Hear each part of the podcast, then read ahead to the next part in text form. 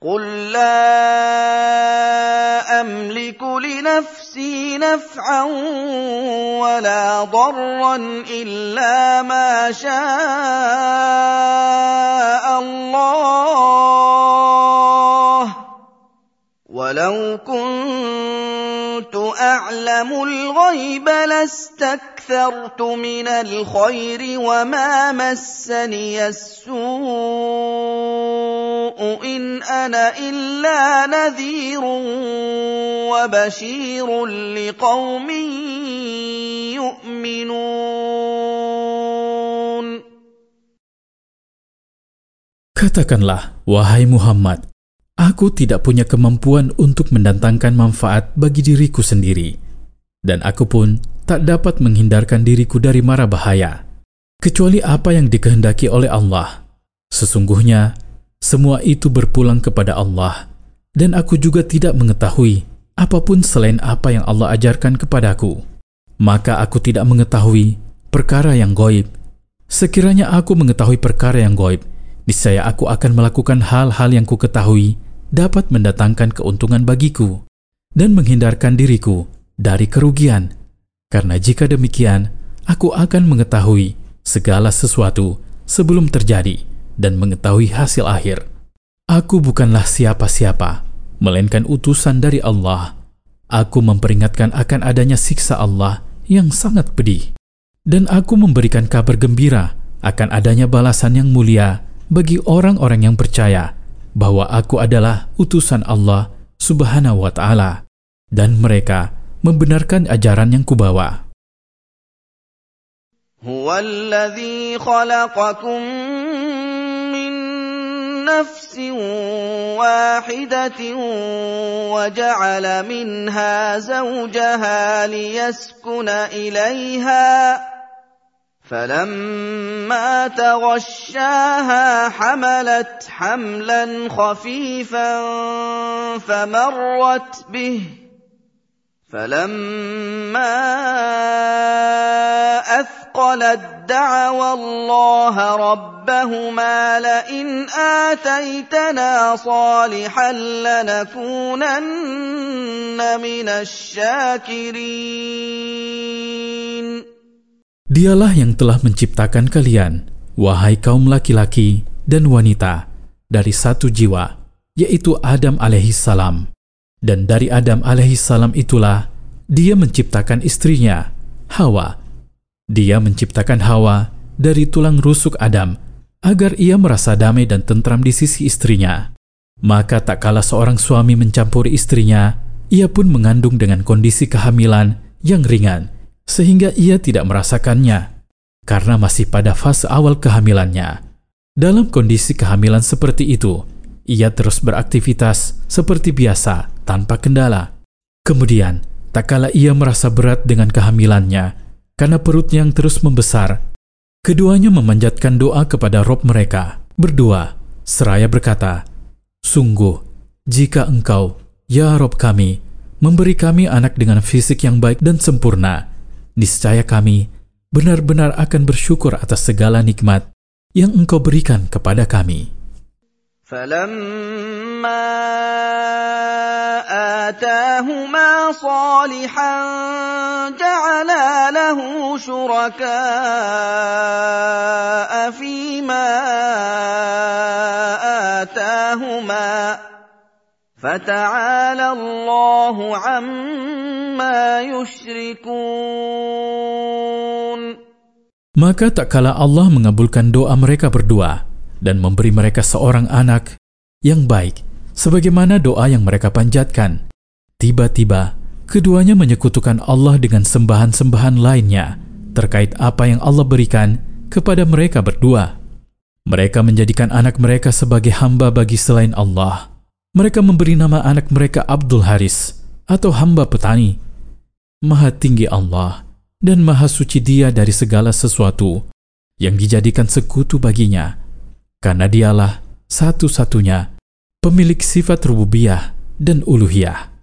أيشركون ما لا يخلق شيئا وهم يخلقون Apakah mereka menjadikan berhala-berhala itu dan lainnya sebagai sekutu-sekutu bagi Allah dalam beribadah, sedangkan mereka tahu bahwa berhala-berhala dan yang lainnya itu tidak pernah menciptakan sesuatu yang membuatnya berhak disembah, karena berhala-berhala itu adalah makhluk yang diciptakan.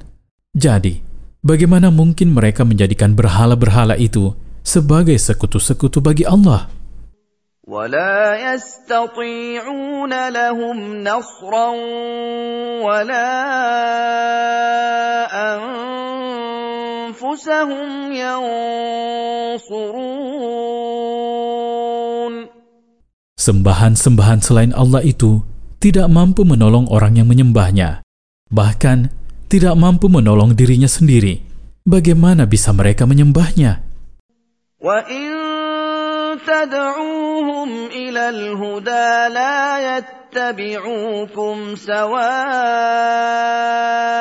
عليكم أدعوتموهم أم أنتم صامتون Jika kalian, wahai orang-orang musyrik, mengajak berhala-berhala yang kalian jadikan sebagai sembahan selain Allah itu ke jalan yang benar, pasti mereka tidak akan menyambut ajakan kalian dan tidak akan mau mengikuti kemauan kalian.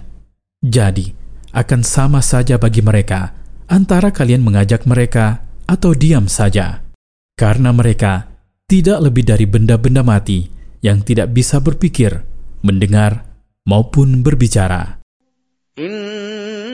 الذين تدعون من دون الله عباد أمثالكم فدعوهم فليستجيبوا لكم إن كنتم صادقين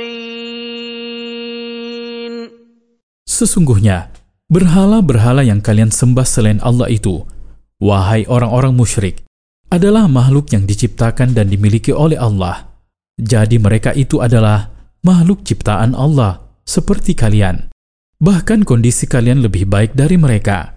Karena kalian adalah makhluk hidup yang bisa berbicara, berjalan, mendengar dan melihat. Sedangkan berhala-berhala kalian itu tidak demikian keadaannya. Maka cobalah kalian memanggil mereka dan persilakan mereka menjawabnya. Jika memang benar anggapan kalian tentang mereka. ألهم أرجل يمشون بها أم لهم أيد يبطشون بها أم لهم أعين يبصرون بها أم لهم أعين يبصرون بها أم لهم آذان يسمعون بها قل ادعوا شركاءكم ثم كيدون فلا تنظرون Apakah berhala-berhala yang kalian sembah itu? Mempunyai kaki untuk berjalan guna memenuhi kebutuhan kalian? Apakah mereka mempunyai tangan untuk melindungi kalian dengan kekuatannya? Apakah mereka mempunyai mata untuk melihat sehingga mampu memberitahukan hal yang tidak bisa kalian lihat? Atau apakah mereka mempunyai telinga untuk mendengar hal yang tersembunyi dari kalian, lantas menyampaikannya kepada kalian? Jika memang semuanya itu tidak berfungsi, bagaimana mungkin kalian menyembahnya dengan harapan kalian akan mendapatkan manfaat dan terhindar dari mudarat? Katakanlah, wahai Rasul, kepada orang-orang musyrik itu, panggillah berhala-berhala yang kalian anggap setara dengan Allah. Kemudian buatlah rekayasa untuk mencelakakanku, dan jangan memberiku kesempatan untuk menghindar. Faidah dari ayat-ayat di atas.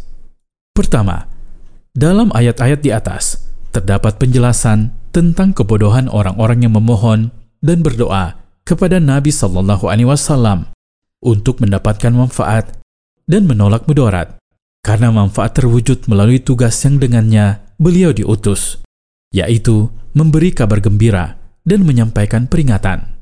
Kedua, Allah menciptakan istri yang sejenis dengan suaminya agar keduanya bisa tenang dan tentram kepada pasangannya, tidak jauh darinya, Tujuannya agar hikmah ilahiyah pada keduanya terwujud, yaitu anak keturunan.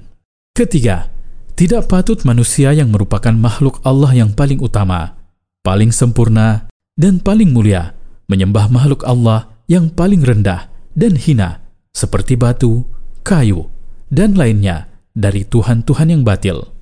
Keempat, orang yang berakal wajib menyembah Allah Ta'ala semata karena hanya Allah yang mewujudkan untuk mereka kemaslahatan agama dengan menurunkan kitab yang berisi ilmu-ilmu yang agung dalam agama, manfaat-manfaat dunia dengan memperhatikan hamba-hambanya yang soleh, menjaga mereka dan menolong mereka, sehingga permusuhan orang yang memusuhi mereka tidak berefek negatif terhadap mereka.